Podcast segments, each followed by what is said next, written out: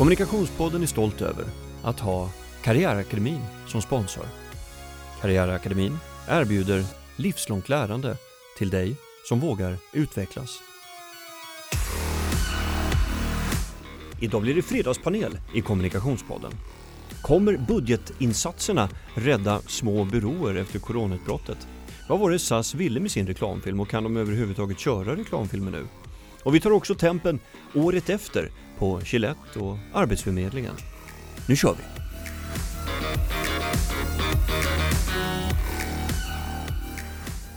Björn och Jessica, varmt välkomna till Kommunikationspodden. Tack! Tack så mycket. Eh, Björn Owen Glad alltså som är varumärkeschef på Spoon Agency och Jessica W Sandberg, föreläsare och strateg som också driver det egna bolaget Besvärlig sedan 1977 och senast var du också interimare på eh, som kommunikationschef på SBAB. Visst är du, älskar bolån. okay. Köper och säljer lägenheter så ofta jag kan. Precis. Jag är så Det, dålig det är du ekonom- ensam om att älska bolån. Jag tror faktiskt att vi, eller ja, kanske Mm. älska är, folk kanske mest har ångest kopplat till just bolån. Folk jag älskar att det. prata bolån i alla fall. Ja, det är så, precis så. Säga. Jag tänker ändå, är det inte spännande nu att du har en gäst som heter glad och en heter besvärlig? Ja, det är väl härligt. Jag tycker vi har hittat våra roller från Ja, sekund ett i den här det podden. så. Det är bra att vara tydlig, det har vi lärt oss i kommunikation. Ja. Ehm, vi måste ju, egentligen så var ju den här panelen tänkt att bara prata om syftesdriven eh, kommunikation, Voke advertising. Men eftersom vi lever i den tiden vi lever så måste vi också prata lite grann om corona. Eh, när det här avsnittet spelas in så är det måndag eftermiddag och i morse så hölls en pressträff på regeringskansliet. Förutom finansministern så fanns det också företrädare från Centerpartiet och Liberalerna och även finansmarknadsministern Per Bolund var med. Åtgärderna som föreslås är att kunna skjuta upp arbetsgivaravgifter och att arbetsgivare får statligt stöd för att kunna permittera medarbetare. Det fanns också ett förslag med eh, att staten ska stå för en del av sjuklönekostnader. Och det finns numera en öppning om anstånd för skatteinbetalningar också retroaktivt från 1 januari vilket innebär att man då kan, ja jag tolkar det ju som ett eh, räntefritt lån till Skatteverket så får man betala tillbaka lite senare men den stora skatteinbetalningen som många har gjort nu för förra, förra årets bolagsskatt som åkte in nu i mars kan man nu få tillbaka för att hjälpa likviditeten lite grann. Eh, först och främst, eh, ur ett byråperspektiv, är det här, kommer det här hjälpa byråerna? Det kommer säkert lindra en del, tror jag. Eh, om det är tillräckligt eller inte, det har vi ju faktiskt ingen aning om eftersom vi inte vet om vi är väl antagligen bara i början av det här. Vi har ingen aning om hur det kommer slå, hur länge det kommer vara, hur många, hur många affärer som kommer gå i stöpet och så vidare. Och hur många som kommer förlora jobbet. Men jag tror att varje sånt här initiativ är ett, ett litet steg i rätt riktning att rädda, rädda företag. Även i vår bransch. Ja, jag tänker det, det är ju kraftfullt paket måste Mm. man ändå säga. Men frågan är ju tillämpningen. Vad, vad tror du Jessica? Jag var faktiskt lite road. Jag satt och kollade på TV4 Nyhetsmorgon när det var den här presskonferensen var och precis innan så hade Anders Borg varit med och blivit intervjuad. Och det är alltid intressant att se politiska dragningar när det kommer till frågor eh, av denna karaktär. Och då, hade han, då sa han i den intervjun att eh, han trodde inte att det skulle vara ett tillräckligt kraftfullt paket från regeringen. Att han trodde de skulle bidra med runt 20-30 miljarder, men här kommer det behövas 60 till 80. Och de bara poff, och smackade på 300. Mm. Jag, Jag, jag tycker att ett, de har ju uppenbarligen varit lyhörda. Eh, SAS var ute igår i presskonferens och pratade om att de behövde den här permitteringens möjligheten Mm. även i Sverige. Det tycker jag är otroligt proaktivt, alltså det är både reaktivt och proaktivt i det.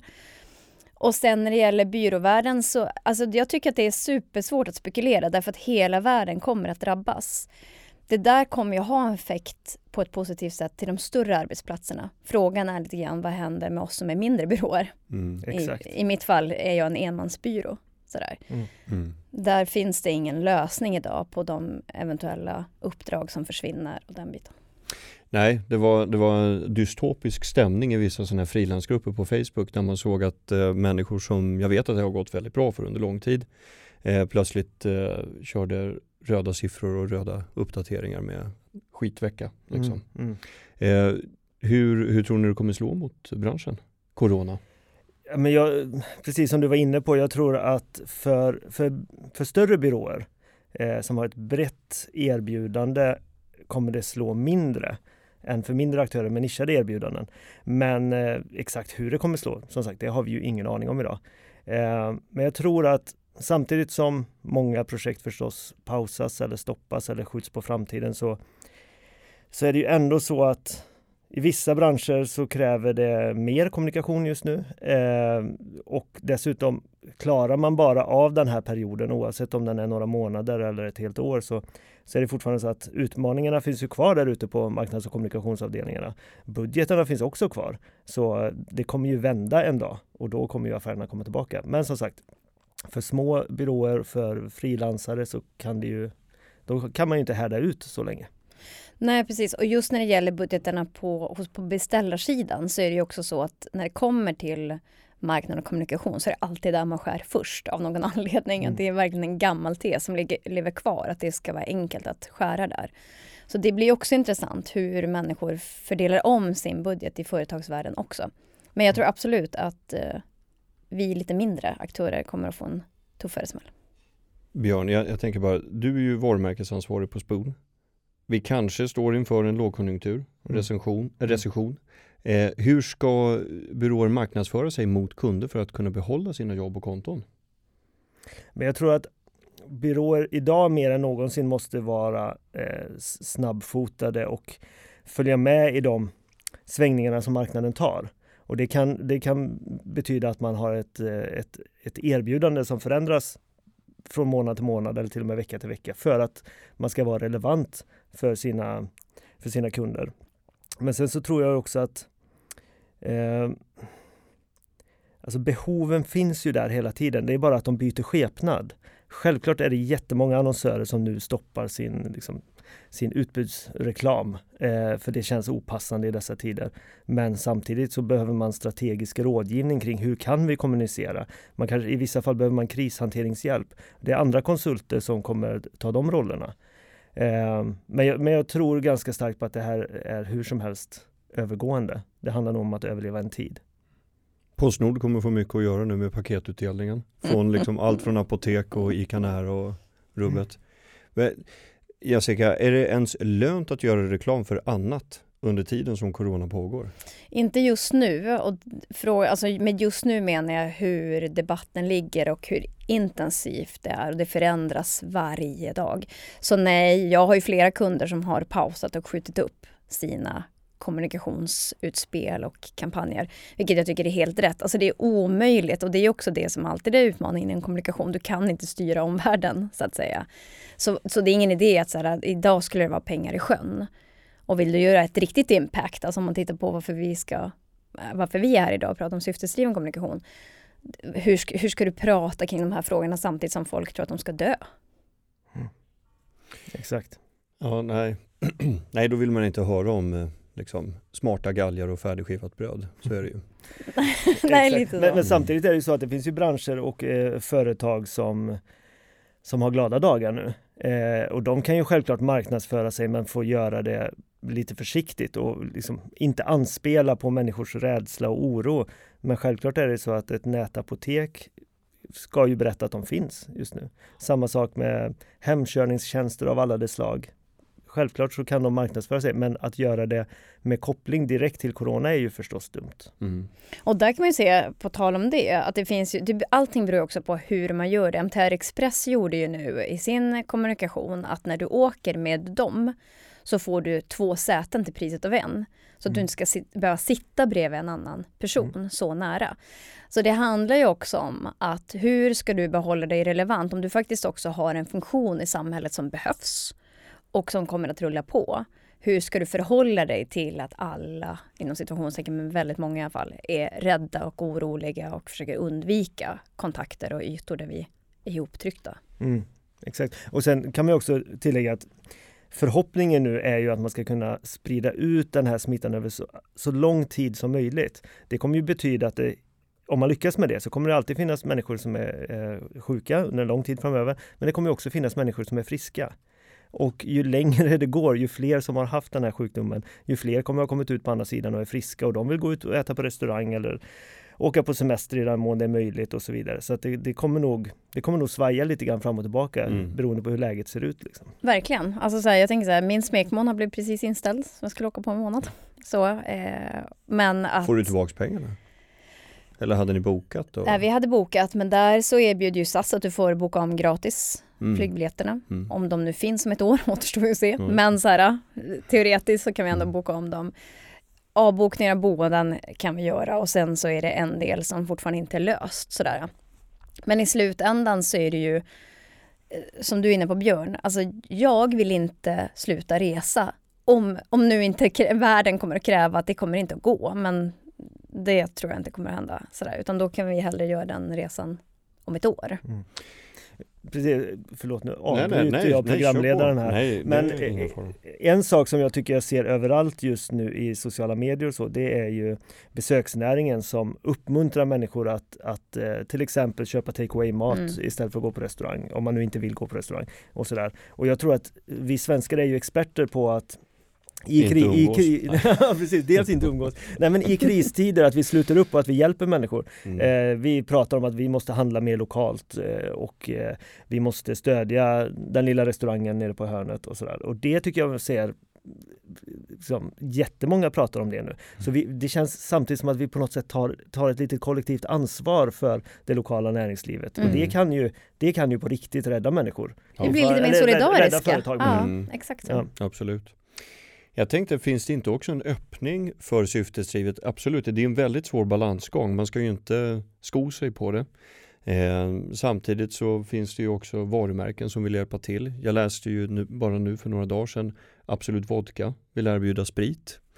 Ikea hittade x antal munskydd Mm. Mm. och efterskänker det. Vad tycker ni om sådana initiativ, att man går ut med det? Ja, jag tycker väl egentligen så här, hittar du, hittar du hundratusentals munskydd på ett lager så självklart ska du skänka dem till de som behöver dem.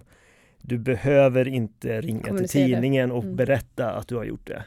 Eh, man får hålla isär lite vad som är en god handling och vad som är god kommunikation tycker jag. Mm. Och det här är lite grann utmaningen med vår samtid också, alltså i helhet. Därför att vi idag strävar efter så mycket att varumärken ska stå för någonting mer än endast en produkt eller tjänst.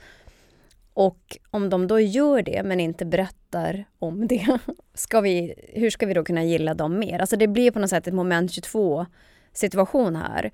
Att just i Absolut Vodka-fallet så var det ju väl så att eh, hon som jobbar på Absolut Vodka svarar på en tweet och sen är det den tweeten som blir viral. Så att de har ju inte i sig gått ut i någon fet kampanj och bara gratis sprit till svenska folket. Mm. Sådär. Mm. Och den biten. Så den där är, det är klurigt. Och vad är det som gör att vissa varumärken, när de gör det med det syftet, känner att de behöver göra det? Ikea behöver ju inte göra det. Nej. Alltså, så. Mm. De, de har det rätt gött Ja, precis, ändå. och man måste nog också tänka på att det är extra känsligt just nu. Mm, Vi är i en kristid eh, som gör att Ja, men då, då blir det, det blir förstås också ett extra stort genomslag men det blir ju också, det, de negativa konsekvenserna av det kan ju också bli större. Ja, jag skulle Så- avråda alla tror jag. Alltså då skulle det, jag vet inte ens var den snygga balansen skulle kunna balanseras idag. Just för att det du kan ta beslut om idag och trycka på knappen, inom fem minuter kan någonting ha hänt i din omvärld som bara fullständigt devalverar det du just sa. Mm. Och så blir det just som du säger Björn, en smäll på det. Mm. Så det, i kristider ska vi väl mest bara försöka take a chill pill Ja, och hjälpas åt. exakt. Mm. För det är ju det här som eh, vi egentligen ska prata om. Voke Advertising. Mm. En av aktörerna är ju SAS. Det finns ju olika anledningar att ta upp just dem just idag. Eh, det som vi var inne på med permitteringen och eh, det, den frågan om att SAS har eh, låtit 90% av sin arbetskraft gå hem från sina jobb är ju en fråga som diskuteras på många håll idag. Det jag hade tänkt att vi skulle prata om det var ju deras reklam som eh, skapade ju väldigt stora löpsedlar och otrolig viral spridning för ett antal veckor sedan när de släppte sin reklam och den låter så här. What is truly Scandinavian?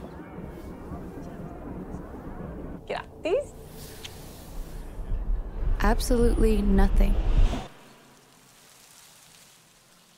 Så där lät det alltså från en av SAS reklamfilmer. Hur skulle ni, Björn och Jessica, beskriva den här reklamen som SAS gjorde?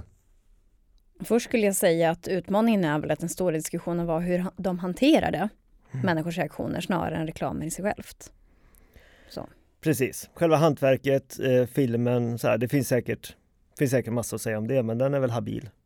Eh, men det är ju verkligen så här, det som hände efteråt som är det stora mysteriet. Fil, filmen, ja, men filmen går ju ut egentligen på att de sammanfattar olika typer av kulturer och händelser som vi har i Norden. Allt från mat till vad vi gör tror jag till och med. Mm. Och visar på att det finns ingenting som är specifikt nordiskt utan vi har influenser från hela världen. Och sen så har vi skapat och så blev det nordiskt. Mm. Med det så vill de ju då, är min tolkning, säga att vi är alla en stor global värld och vi ska inte göra skillnad på oss människor. Sådär. Det är ju deras syfte, är ju att säga att vi är en del av världen och världen är en del av oss. Precis, och, och vi hade inte varit vad vi är om vi inte reser och upptäcker andra kulturer. Det är Mm. ett väldigt fint, i grunden ett jättefint budskap. Eh, men eh, sen mötte de ju eh, liksom en, en hatstorm från högerkanten eh, som de själva menar var organiserad. Eh, det tror jag inte den var. Inte annat än att eh, den typen av eh, communities ger varandra bränsle och eh, det sprids enligt ett speciellt mönster och det har vi sett förr och kommer se igen. Och vad menar du att de var kritiska mot? Ja, men de, de menade ju att eh, SAS eh, praktiskt taget menade att det finns inte någon nordisk eller skandinavisk kultur utan allt är importerat. Eh, och, och, och därmed skulle det då vara sämre. Eh, och det är klart att eh, om, om, om man har de åsikterna i, i ryggraden och ryggmärgen då kanske det är så man resonerar. Jag, vet, jag har väldigt svårt att förstå ilskan och kritiken. Eh, men jag tycker att det som SAS då gjorde var ju att först plocka bort den här reklamfilmen, klippa om den eller klippa ner den och publicera den igen. Och det, att man gjorde det var nog det absolut största misstaget. För, eh, sett- Varför då? då? Ja, men därför att om man på allvar menar det man säger i den här reklamfilmen och man står för det, eh, då ska man inte behöva göra en sån, eh, en sån sak. Utan då ska man löpa den linan hela vägen ut och visa att detta är någonting vi står för. Vi har modet att stå för det oavsett hur mycket kritik vi får. Eh, och jag tycker att genom att göra så, då har man liksom Man har gett dem rätt. Ja, man har gett dem rätt Mm. på något sätt. Det, det är som att, ja, jag vet inte, det det ta- förtar hela poängen med det här fina budskapet som de ville få fram. Eh, för helt plötsligt visade det sig att nej, men vi stod inte riktigt för det här. Vi var beredda att vända kappan efter vinden. Det kunde ju ha varit värre förstås. De kunde ju ha valt att ta ner den och aldrig lägga upp den igen. Eh, men hur som helst, de anpassade sitt budskap efter den kritik som jag anser att de inte borde ha ha Bemött agerat på det alls. sättet, Nej, de borde ha bemött den med att stå för vad de har sagt. Mm. Eh, och det är också så att om man, om man gör en reklamfilm som den här, den har ju passerat oerhört många instanser innan, innan den når eh, publiken. Självklart har man räknat med att den här reaktionen ska Exakt. komma. Eh, och om man, om man i det läget säger att nej, men vi, vi blev tagna på sängen, då har man ju underkänt sitt eget arbete. För vilken kommunikationsavdelning eller marknadsavdelning eller byrå som helst förstår ju vad det är man pysslar med här. Det kommer ju komma kritik. Jag ser det här så ofta, även om det inte alltid är i den dignitet där det blir SAS-delen. Men jag har jobbat på så många arbetsplatser med så många kunder som brister i modet och förståelsen för hur saker och ting fungerar. Hur fungerar rörelser? Alltså med SAS-filmen så var det inte så att det bara var negativa röster. Men du måste våga vänta ut till nästa våg kommer av de som stöttar din fråga. Nu istället för att prata om så här, är det en bra film? Så här, tycker vi det är bra reklam och kommunikation eller inte? Är det ett sant budskap? Den typen av diskussion. Så är istället diskussionen just att plocka ner filmen.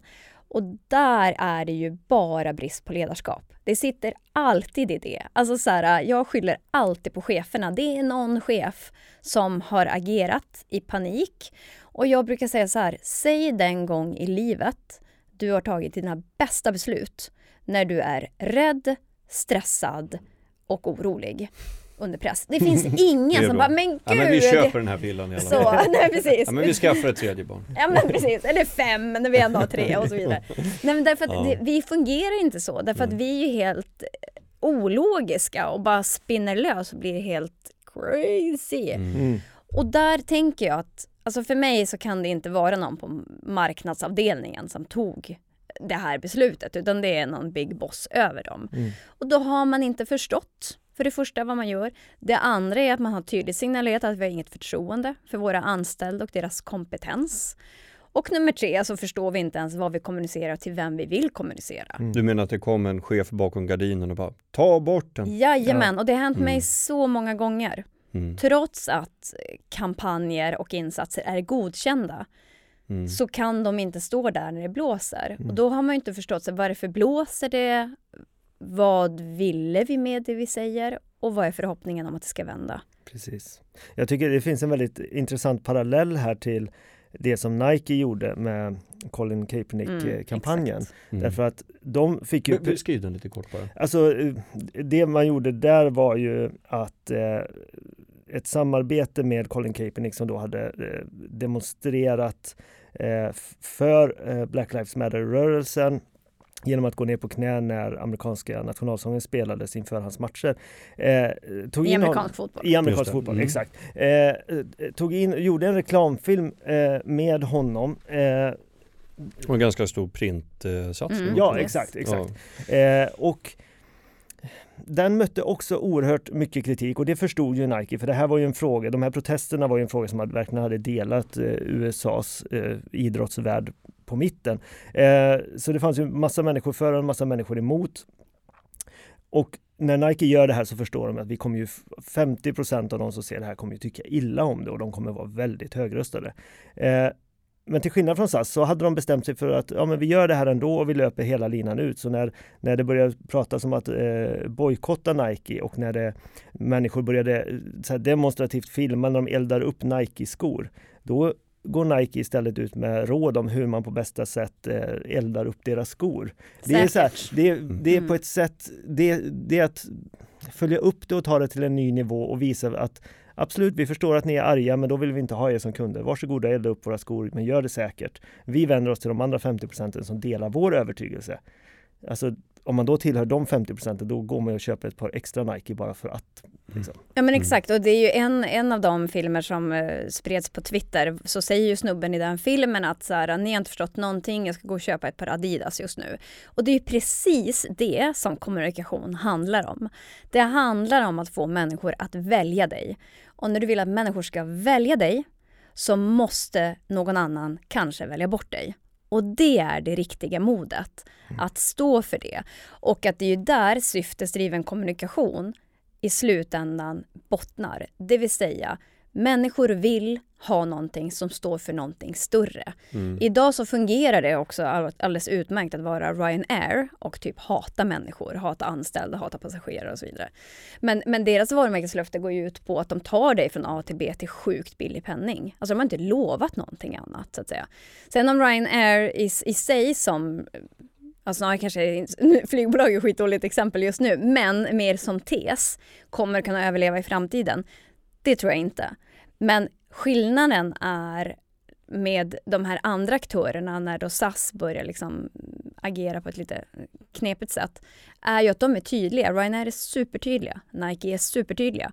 Det vill säga, gillar du inte sättet som de här kommunicerar om men snarare kanske bottnar i som varumärke, då finns det andra. Mm, Då kan du flyga med andra eller köpa ett par andra skor. Det är det Exakt. som är hela poängen. verkligen. Vi bryter innehållet för lite reklam. Här kommer ett kostnadsfritt erbjudande. Karriärakademin är grundad av en företagarfamilj. Företagare vet någonting om vad det innebär att möta tuffa tider. Och det är säkert många där ute som upplever att tiderna just nu är svåra. Därför vill Karriärakademin erbjuda gratis online-rådgivning för frilansare och småföretagare. Kostnadsfri rådgivning alltså, i ett personligt möte online. Hela april ut 2020, med dina frågor i fokus. Gå in på karriärakademin.se och läs vidare där. Nu fortsätter programmet. Den här SAS-reklamen, funkar den idag? Post-corona? Eh, För det, om man just- tänker om man ska, det går ju att göra sig ganska är över så här, globalt, också bara corona. titta vad, vad mycket som kommer till Sverige om man reser tillräckligt mycket. ja, det var ju en vinkel på det. Jag, jag skulle tänka så här att det är en icke-fråga för att jag tror inte att eh, SAS eh, ska göra någon reklam alls överhuvudtaget just nu. Nej. Vad kommer nästa SAS-reklam vara efter det här? Vad tror ni? Jag har ingen aning. Vi vet ju ingenting om framtiden i det här Nej. läget. Vi vet definitivt ingenting om eh, flygbranschens framtid i det här läget. Eh, med tanke på vad som händer runt om i världen nu så kommer en himla massa flygbolag antagligen gå under.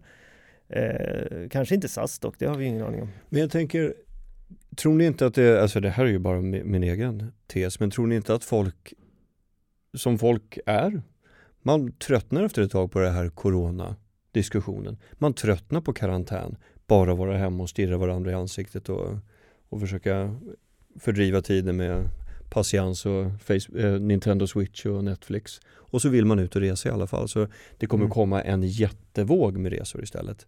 Men det, det, för de som nu överlever så tror jag absolut att vi kommer kanske mer att prata om upplevelsen av att resa och vägen till resan. Att det inte bara är kanske resemålet i sig utan det är resan dit som Mm. också spelar roll. Vilket det ju faktiskt gör. Alltså har du en pissig flygning till din drömsemester så kommer du vara förbannad i två dagar. Alltså det är, eller jag är och sån i alla fall. Jag tycker att det, men- att det men- finns fler än jag. Så, så att, att prata snarare om upplevelsen och vad du kan erbjuda som avsändare och aktör Mm. tror jag kommer vara relevant. Men jag hoppas inte att SAS med den senaste kampanjen bestämmer sig sen för att vi ska aldrig göra sån här reklam därför att vi pallar inte. För då grundar de sig inte i värderingar. Och då behöver de inte göra syftesdriven kommunikation Mm, överhuvudtaget. Exakt. Nej, precis. Och jag, jag föreställer mig att just när det kommer till det här med resande eh, som nu då eh, icke existerar. Om det, om det här drar ut på tiden, vilket eh, läkarvetenskapen hoppas att det gör, då kommer det betyda att eh, hela eh, reseindustrins högsäsong eh, kommer ju försvinna. Det kommer, man kommer inte åka på några resor i sommar. Eh, och det kommer ju få oerhörda följder, både i Sverige och eh, internationellt. Och det kan ju också vara så att det, att det i grunden förändrar vårt, vårt eh, resemönster och vårt synsätt på resor. Eh, koppla detta då till, eh, till frågan om hållbarhet så tror jag att detta kanske är precis vad vi behöver för att få en tankeställare kring både konsumtion och resor i framtiden. Men det handlar om hur, hur länge eh, coronahärjandet håller på och var. En annan kampanj som har valt väldigt mycket uppmärksamhet under 2019 var Gillettes reklam. Is this the best a man can get? En spin-off på The best a man can get men fick ju en lite ny innebörd. Eh, vi kan lyssna lite grann på, på den reklamen också. and there will be no going back. Because we, we believe in the best in men. Smile, sweetie. Come on. To say the right thing, to act the right way. Bro, not cool. Not cool. Some already are. Det var alltså ett litet utdrag ur Gillette-reklamen. Hur skulle ni beskriva den? Alltså jag älskar den. Nu eh, syftar du till deras första, tror jag, när de pratar om Ja, när de stod maskulinitetsnormen. Mm, precis. Den handlar ju kort om olika skeenden som vi har i vår vardag som människor, men då sett ur ett manligt perspektiv och Mm. eh, med manliga ögon. På hur normer i det här fallet styr män och vår syn på män. Och nu gör jag ju mig själv a, living på att prata just normer, värderingar, syftesdriven kommunikation. Men det som är så intressant med Gillette är ju även där reaktionerna. Alltså den var ju också en tudelare. Människor, läs män i det här fallet, hatade den. Inte alla, men många. Och kom alltid med argumentet om inte alla män. Och för det, här får du ju olika Vad tror du situationer. att det beror på? Att de tyckte så illa om det? Nej men det finns ju någonting i vårt samhälle som att inte alla män våldtar fast ingen någonsin har sagt alla män. Och sen så porträtterar du i det här fallet män och situationer. Igen, det finns ingen som säger att alla är så men det är fortfarande förekommande och det händer att stereotypiska manliga drag och situationer tillåter män, nu blir det så här, nu pratar jag om er som grupp, men det är ändå det, tillåter att bete sig på ett visst sätt. Det gör ju per definition att en grupp blir utpekad och utmålad som någonting dåligt. Och det skapar känslor, alltid. Mm. Och här tror jag, i den andra ändan, så handlar det om att det har kommit att bli en rätt stark elitism i samhället kopplat till värderingar. Att du ska vara på ett visst sätt och säger du fel eller skulle du ha en frågeställning som helt plötsligt du inom situationstecken borde ha koll på, då är du dum i huvudet. Mm. Inga människor vill uppleva sig som okunniga eller tillhöra en grupp som är inom situationstecken mm. skit. Alla vill vara unika Mm. men ingen vill vara udda. Ja, men verkligen så. Och att istället för att fundera, för det, det jag önskar alltid när vi pratar om normer, för normer påverkar oss alla. Alla människor har fördomar och föreställningar. Det viktiga är att vi ska bli medvetna om dem för att det är då först vi kan förändra vårt beteende. Att kunna sitta på och titta på då Gillette-reklamer och säga hmm, finns det någonting i det här som faktiskt påminner om hur jag är? Det kan vara en hö-hö-grej när man, en eh, tjej går förbi. Eller det kan vara just så här boys will be boys. Alltså jag har aldrig i hela min uppväxt eller som vuxen hört så här tjejer kommer vara tjejer. Alltså det är inte så utan vi tillåter våld bland unga män för att de är pojkar. Det är jättekonstigt. Mm. Så att där är det ju, det skapar det jättemycket känslor, positivt och negativt. Och det visste de och det ville de. Mm. Och det är också skillnaden till när du backar på din egen kommunikation. Var att det här var ju första steget. Man ska komma ihåg att det så, Gillette sa, som jag tycker är unikt, det är att de sa, vi har tittat på oss själva historiskt. Vi har bidragit till den stereotypiska bilden av vad en man är. När jag växte upp så var det snubben som stod i duschen och rakade sig och så avslutas med att han får en puss på kinden av en snygg tjej. Det är för mig Gillette. Och sen så säger de så här, det här är inte det vi vill stå för och det är inte den bilden vi vill fortsätta bidra med. Och därför så ska vi göra annorlunda. Du behöver inte ha varit perfekt. Ingen är perfekt, ingen kommer någonsin vara perfekt. Men du måste fortfarande se till vad har du gjort och stå för det. Sen så säger de det, de gör den filmen. Men om de inte skulle fortsätta att se över hur de jobbar med de här frågorna internt, hur ser deras övriga kommunikation ut, då blir det smink på grisen. Då finns det igen ingen mening med att göra det. Deras fortsättningskampanjfilm på den här är en transkille som har sin första rakning med sin pappa. Och han är, förutom att vara transkille, sen också svart. Vilket är extremt unikt. Dels att porträttera en ung man som dessutom är svart transkille i reklam. Det förekommer Mm. alldeles för sällan. Det är det ena. Och det andra är att så här, de kopplar det direkt till sin produkt som handlar om att den första rakningen är speciell. Alltså det känns så här, jag kan ju egentligen inte alls identifiera med mig med den filmen men den går så här rakt in i hjärtat. Så att för dem så handlar det här om en resa som jag hoppas nu ska fortsätta. Jo men det är väldigt Mm. gulligt med när, eh, när barnen kommer fram och skojrakar bredvid när, när jag står och rakar mig. Det gjorde min eh, son senast i, i förra veckan med min kam. Det skulle han inte ha gjort. Nej, men det, då, en då, konsekvens hö- av. nej, men då, då fick han också lite raklödder och så stod han med kammen så här och så liksom stod han bredvid Mm. och illustrerade. Det är någonting fint med det, Mm. så är det ju. Men det är precis som En du liten säger. morgonrutin. Precis som du säger, jag tycker att det, det gör det extra starkt just att de, att de erkänner att de har varit en del av problemet. Mm.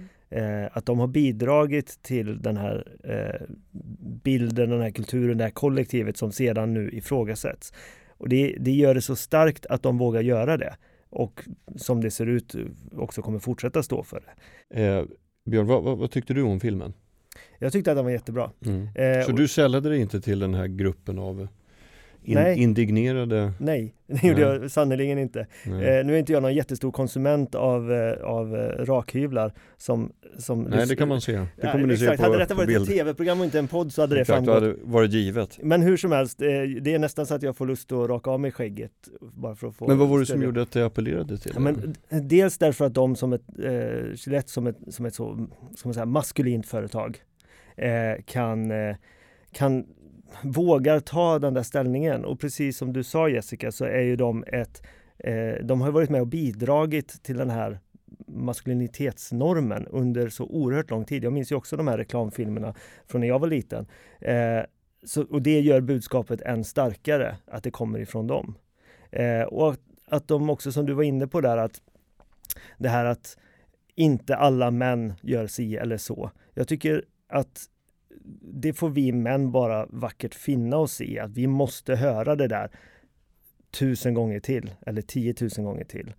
Att vi måste kunna ta ett kollektivt ansvar för sådana saker som är genuint dåligt som män som kollektiv står för. Vi måste ta ett kollektivt ansvar för det. Eh, det har inte att göra med att, att man själv nödvändigtvis är våldtäktsman eller eh, förmedlar dåliga eh, normer till sina barn. Det är inte det, utan vi måste som ett kollektiv ta ansvar för det och förändra oss. Ja, nej men jag tänker väl bara att eh, alltså om, man, om man ska föra talan för de som inte befinner sig i rummet och inte tycker likadant. Så om man skulle ta en jämförelse med arbetsgivare till exempel. Att man är en eh, arbetsledare, chef som eh, är schysst och beter sig schysst mot sina medarbetare och så, så möts man av en kampanj med eh, vä- eh, vägra jobba för dåliga chefer till exempel med en massa olika arketyper som stämmer och som har sina representanter i samhället. Ehm, där behöver man ju inte heller vara, man behöver inte ta åt sig. Och man behöver ju heller inte ta ansvar för dåliga chefer. För att man är en bra chef. Mm. Nej, och sen, men sen tycker jag att vi ska alla ta åt oss igen därför att vi är alla färgade av normer oavsett om det är vithetsnormen eller Mm. heteronormen och maskulinitetsnormen och könsnormen. Så att alltså igen, det här är ju ingenting som är unikt för en grupp utan vi bär alla olika bagage. Och särskilt vi som ska jobba med kommunikation skulle ju behöva bli lite mindre homogena. Därför att om du ska kommunicera till ett helt samhälle som består av liksom exakt alla, men vi har en bransch där alla också ser ut som bara en enda grupp, Mm. då blir det inte bra kommunikation. Och jag tror att det är också det som händer till exempel med eh, SAS eller H&M och så vidare. Mm. Att antingen så har du skapat arbetsgrupper och arbetsplatser som är alldeles för homogena eller så har du skapat en kultur där ingen vågar säga ifrån. Alternativt ingen blir lyssnad till. Alltså att jag har ordet besvärlig i mitt bolagsnamn bygger ju på att hade jag varit man så hade jag kallats målmedveten, driven och han vet vad han vill. Men som kvinna som har en tydlig åsikt och som säger emot när till exempel normer styr. Därför att chefer, jag har ju som sagt själv också haft chefpositioner, men vi har ju också en tendens att spegla oss själva. Så att någon som gillar samma saker som vi eller likadana, de belönar vi på olika sätt och bekräftar. Om, vi, om det är en person som vi tycker är lite udda och inte normal, igen en norm är liksom synsätt på vad som är normalt. Då tycker vi per definition kanske sämre om den, den får lite sämre möjligheter och så vidare. Det är inte alltid att det är med en tanke av att vi ska bete oss så. Men det blir så. Mm. Mm. Och därför måste vi vara medvetna om att vi går hela tiden på bekräftelse, vi går på normer, vi, vi Mm. går från det vi är normal, eller vet inom är normalt, det som Mm. vi tycker är. Och, Jo men jag tänker bara, förlåt men eh, jag kanske var lite otydlig i mitt exempel. Alltså om man, om man då, eh, låt säga att jag sitter som eh, eh, chef med mina medarbetare och medarbetarna har nåtts av den här samma kampanj som jag också har tittat på. Och så börjar de prata om att, ja men fan chefer är ju så här. Chefer är ju dumma i huvudet. De rekryterar ojämställt och de är orättvisa med semesterplanering och de lägger inte sina scheman. Chefer kan fan inte ett skit alltså. De är orättvisa mot oss medarbetare och de, de, är, kapi, de är vinstivrande kapitalistsvin. Ja, om du Och så, sitter, säger man, och så sitter man som chef och bara, håller du inte med? Så här är ju chefer. Ja, vet du fan, jag är inte riktigt sån. Jo men, eh, jag tar ju i från tårna nu. Men jag tänker bara att man måste ju kunna säga så här, ja det är en bild. Ja men exakt, ja men jättebra och, och, exempel. Och den, och den bilden är, är rättvisande för en, en, viss, en viss grupp av chefer och de borde inte vara det om de beter sig på det sättet. Exakt så. Men, eh, men man jag, behöver jag inte tror att om säga dina alla. medarbetare sitter och talar så med dig som, eh, som chef, då, då, då, Då har man ett stort gott förtroende hos då dem. kan det finnas ett problem. Eller, eh, Eller hög, högt i tak på riktigt. Väldigt Exakt. högt i tak, eller hur?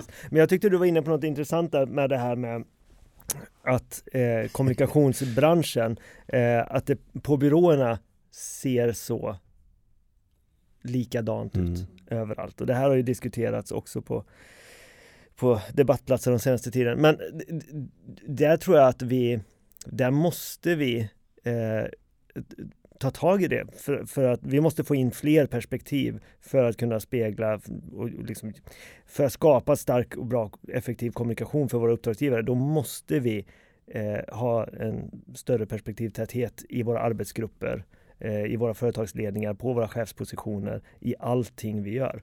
Eh, och det är både, både hos uppdragsgivarna men också hos oss som konsulter. Ja, och om, för jag tänker också för tydlighetens skull nu.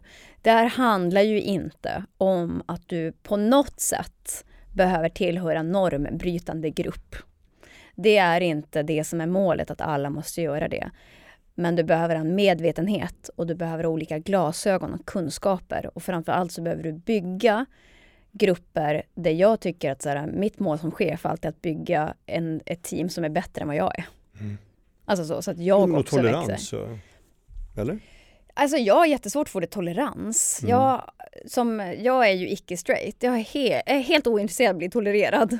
Så eh, jag... Nej, men jag tänker att man eh, till exempel i, i en arbetsgrupp så kommer det ju, om, om den ska vara väldigt differentierad Mm. så är väl också tanken att man ska eh, få input med olika perspektiv.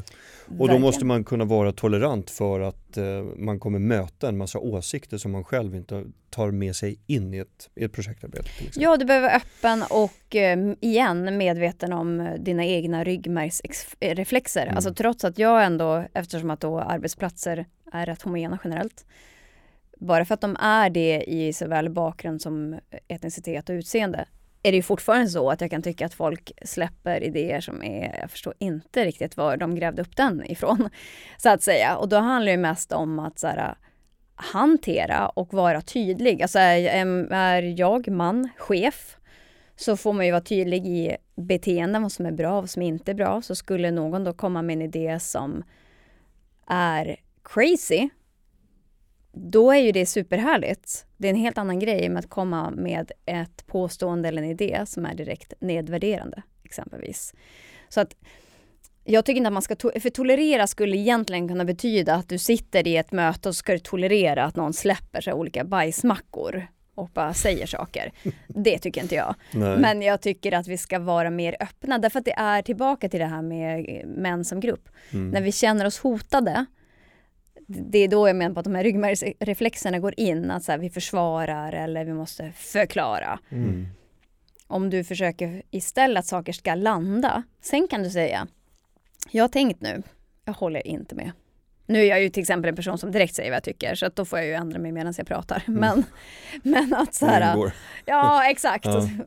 Korrigering, nej förlåt.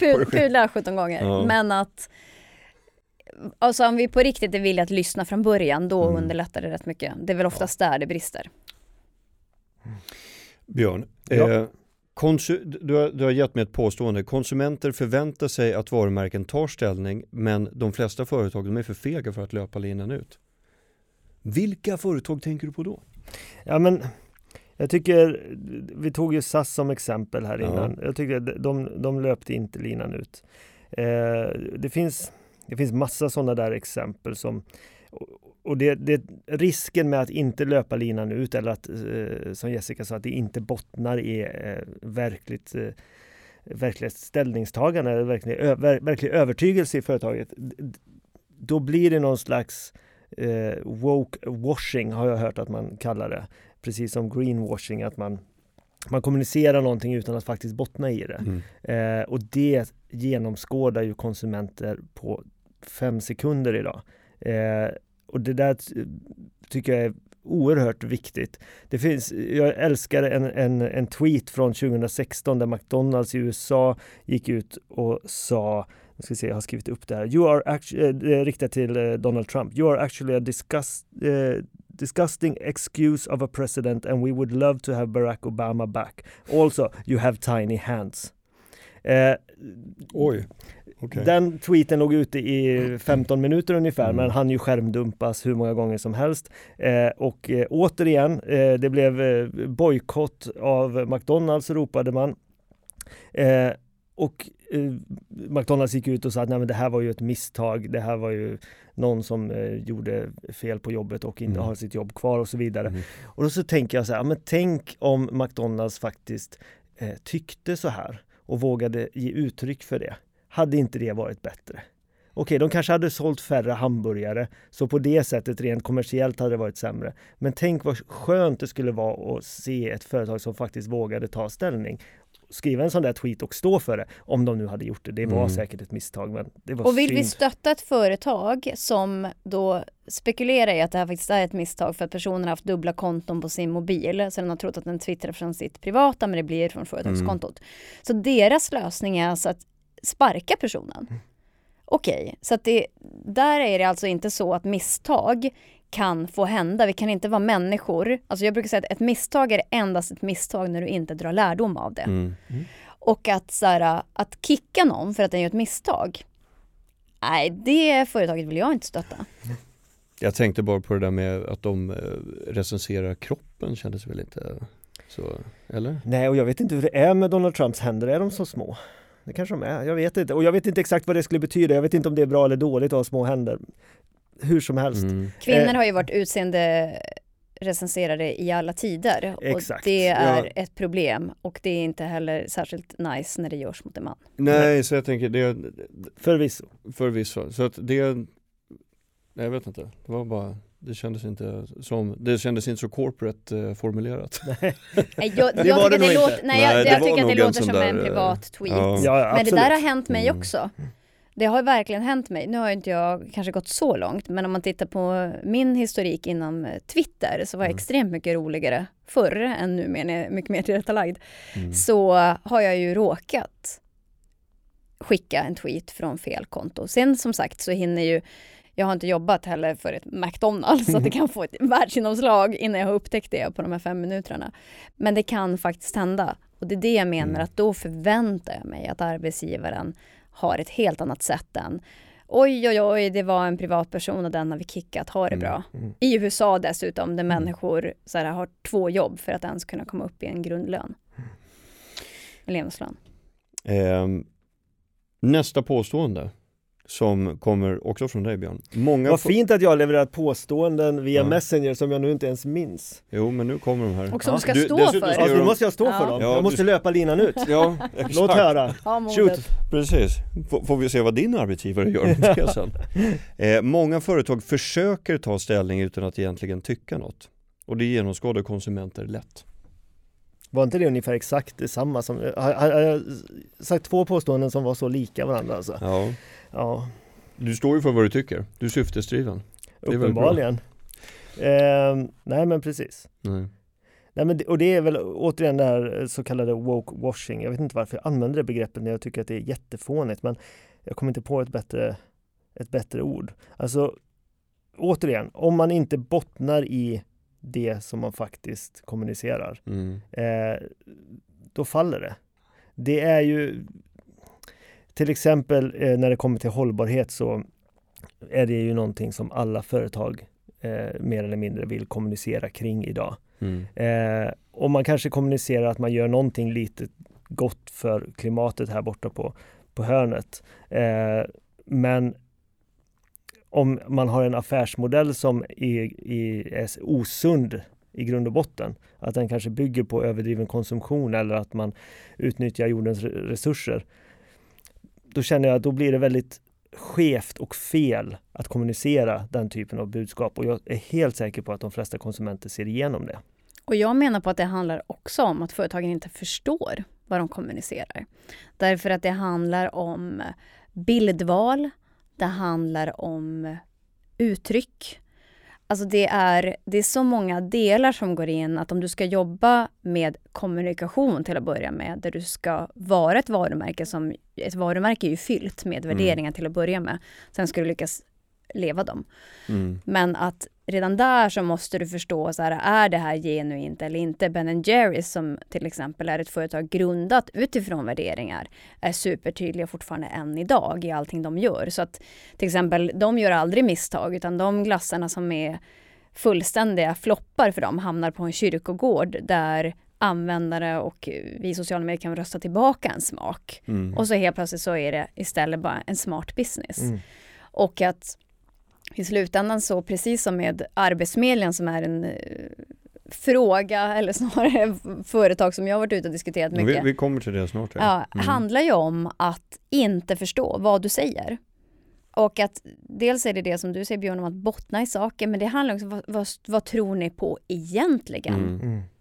Men det blir, vilken sorglig bild av, av varumärken och företag du, du ger. Den kanske är helt sann, men vad sorgligt om man kommunicerar saker och inte ens förstår det själv. Och inte kan bottna i det. Det är ju, Men jag, det, i, i slutändan handlar det om att ha perspektiven och Mm. att våga ja, sätta säkert... lite olika ljus på det. Alltså Kappahl gjorde en julkampanj här om året som handlar om att i år ska alla barn bli hörda. Och så skulle de skänka pengar till olika barnrättsorganisationer. Men när du sätter den typen av uttryck, i år ska alla barn bli hörda, samtidigt så gick de ut och sa nu ska vi börja med syftesdriven kommunikation. Den filmen utspelar sig i en våning med typ fem meter i takhöjd. Jag skulle kalla det Östermalm som bor i Stockholm. Där det är ett olikkönat par, en man och en kvinna, vita, vars barn har inga synliga funktionsnedsättningar. Pojkarna är klädda i byxor och flickorna i kjol och klänning. Extremt stereotypisk bild av en kärnfamilj. Och med det, i år ska alla barn bli hörda, så blir frågan, vilka är alla barn? Mm. Och då har man inte fattat. Nej, nu är inte Kappahl här för att eh, dela med sig av sin, Jag sin älskar bild. att du gör en Sveriges Radio-grej. Jag känner jag direkt är ju gammal Sveriges Jag Radio-medarbetare. vet, det är ju ändå där vi också har funnit varandra. Det finns väl Ja. fler företag som vi ska vara glada att de inte är i det här rummet just nu med tanke på vad vi har sagt. Det hade blivit bra content, eller hur? Om Sannoliken. man tänker eh, Spoons eh, kärnverksamhet. Eh, om man har genuin avsikt med ett syftesdrivet budskap så kan det ju också bli klavertramp i genomförandet. Det var precis det du var inne på med Kappahl där. Men du var ju också engagerad Jessica i en kampanj från Arbetsförmedlingen. Mm. Det blev ju jätterabalder. Det var väl förra året? 2019? Jag var tvungen att det? tänka efter vilket år vi var. Ja precis, det Ja. känns ju som eh, nu rusar åren. Ja precis, alltså de har ju, jag har varit ute och nyligen. eh, boxats med dem vid två tillfällen. Det ena Mm. var 2018 och det andra var 2019. 2018 så gör de en kampanjfilm, en reklamfilm, där de vill sätta ljuset på att personer med funktionsnedsättningar anställs i mindre grad än fullfunktionella. Så arbetslösheten är helt enkelt högre. Superrelevant fråga, igen tillbaka till normer och värderingar och hur vi dömer människor. Och där så deras reklamfilm eh, var ett eh, uttag där det var gruppen som sådan som pratade. Så de sa så här, den hette så här, vi kan mer än du tror. Mm. Så det var tydligt att den gruppen som ville ha mer och fler anställningsmöjligheter var de som var rösten utåt. Sen så görs det samtidigt en behind the scenes-film om reklamfilmen Mm. där det är byrån själva som pratar om den här reklamfilmen. Där så säger de att här, vi kände att vi behövde göra det som vi uppmanar andra att göra. Så vi tog med personer med funktionsnedsättningar i vår produktion. Och där hade det behövt vara en punkt. Men istället så säger regissören, och det var inga som helst problem. Det rullade på hur bra som helst tillbaka till, då förstår man inte vad man säger. När man säger så här, vi tittar på den här gruppen och hoppsan, det funkade, det var inga problem. Byt ut funktionsnedsatta till judar eller kvinnor så inser man hur skevt hela det synsättet är. Där du ska jobba emot liksom en norm och samtidigt så förstärker du den. Så det var första där jag var ute och var extremt upprörd på att de inte förstod vad de sa. Hade diskussioner även med deras creative director. Året efter, det vill säga förra året 2019, så gör de en ny kampanj. I det här fallet så handlar det om att de tog kända ansikten, till exempel Apoteas grundare, och satte på personer som har synliga funktionsnedsättningar. Så att kroppen på bilderna tillhörde personer med funktionsnedsättningar. Ansiktena tillhörde människor inom så kallade framgångsrika yrken. De har Mm. byggt sin karriär. Mm. I den här så är det, eh, i en av kampanjbilderna, så är det flera olika, så är det i alla fall så att en person som ska det är Therese Lindgrens ansikte. Bara för att, Therese Lindgrens Hon ansikte, bloggare. bloggare, Mm, youtubare, just, supermycket följare. ja. Sätts på en kropp som har en CP-skada. Det visar sig sen, när den här kampanjen är släppt, att fotografen har under fotograferingen till hon som är kroppen Mm. bett henne förstärka sin CP-skada. Så här är det då tydligt att det finns en normativ bild av hur en person med en CP-skada ska se ut. Och det är den bilden som fotografen vill fånga. Och här, så igen då, då finns det bara ett sätt att vara. Det är det som är tillbaka till att vara man. Det finns inte bara ett sätt att vara man, det finns inte bara ett sätt att ha en viss funktionsnedsättning. Så här istället så måste hon agera under en fotografering på ett sätt som är helt onormalt för henne. För att det ska bli en kampanj. Det är katastrof. Katastrof. För då igen har man inte förstått vad man säger. Sen hade den en till nivå som handlade om att till den här kampanjbilden så stod det hade hon blivit mäktig influencer. Och hela poängen var att så här, Therese Lindgren må vara en av Sveriges absolut största influencers. Men det var även hon som var liksom mer än halva bilden, kroppen. Så det är så här igen, varför förstår vi inte vad vi säger? Vi Mm. kan göra misstag, men i det här fallet så hade jag redan varit i dialog med byrån och deras creative director och sagt ni saknar perspektiv. Ni förstår inte vad det är ni säger. Ni måste ta in någon som kan titta på det. Det kan vara jag, det kan vara någon annan. Och sen, så, och så är det ju alltid med leverantörskedjor. Sen är det en fotograf, men där utgår jag ändå från, ja, alla kampanjer jag varit med i så är alltid CDn med. Alltid. Så där är det ju ändå en fotografering där ansvariga tillåter det här att ske. Och så blir det en katastrof när det kommer ut och Arbetsförmedlingen i sig då duckar ju det här alldeles för länge och Mm. förstår inte digniteten i vad som sägs.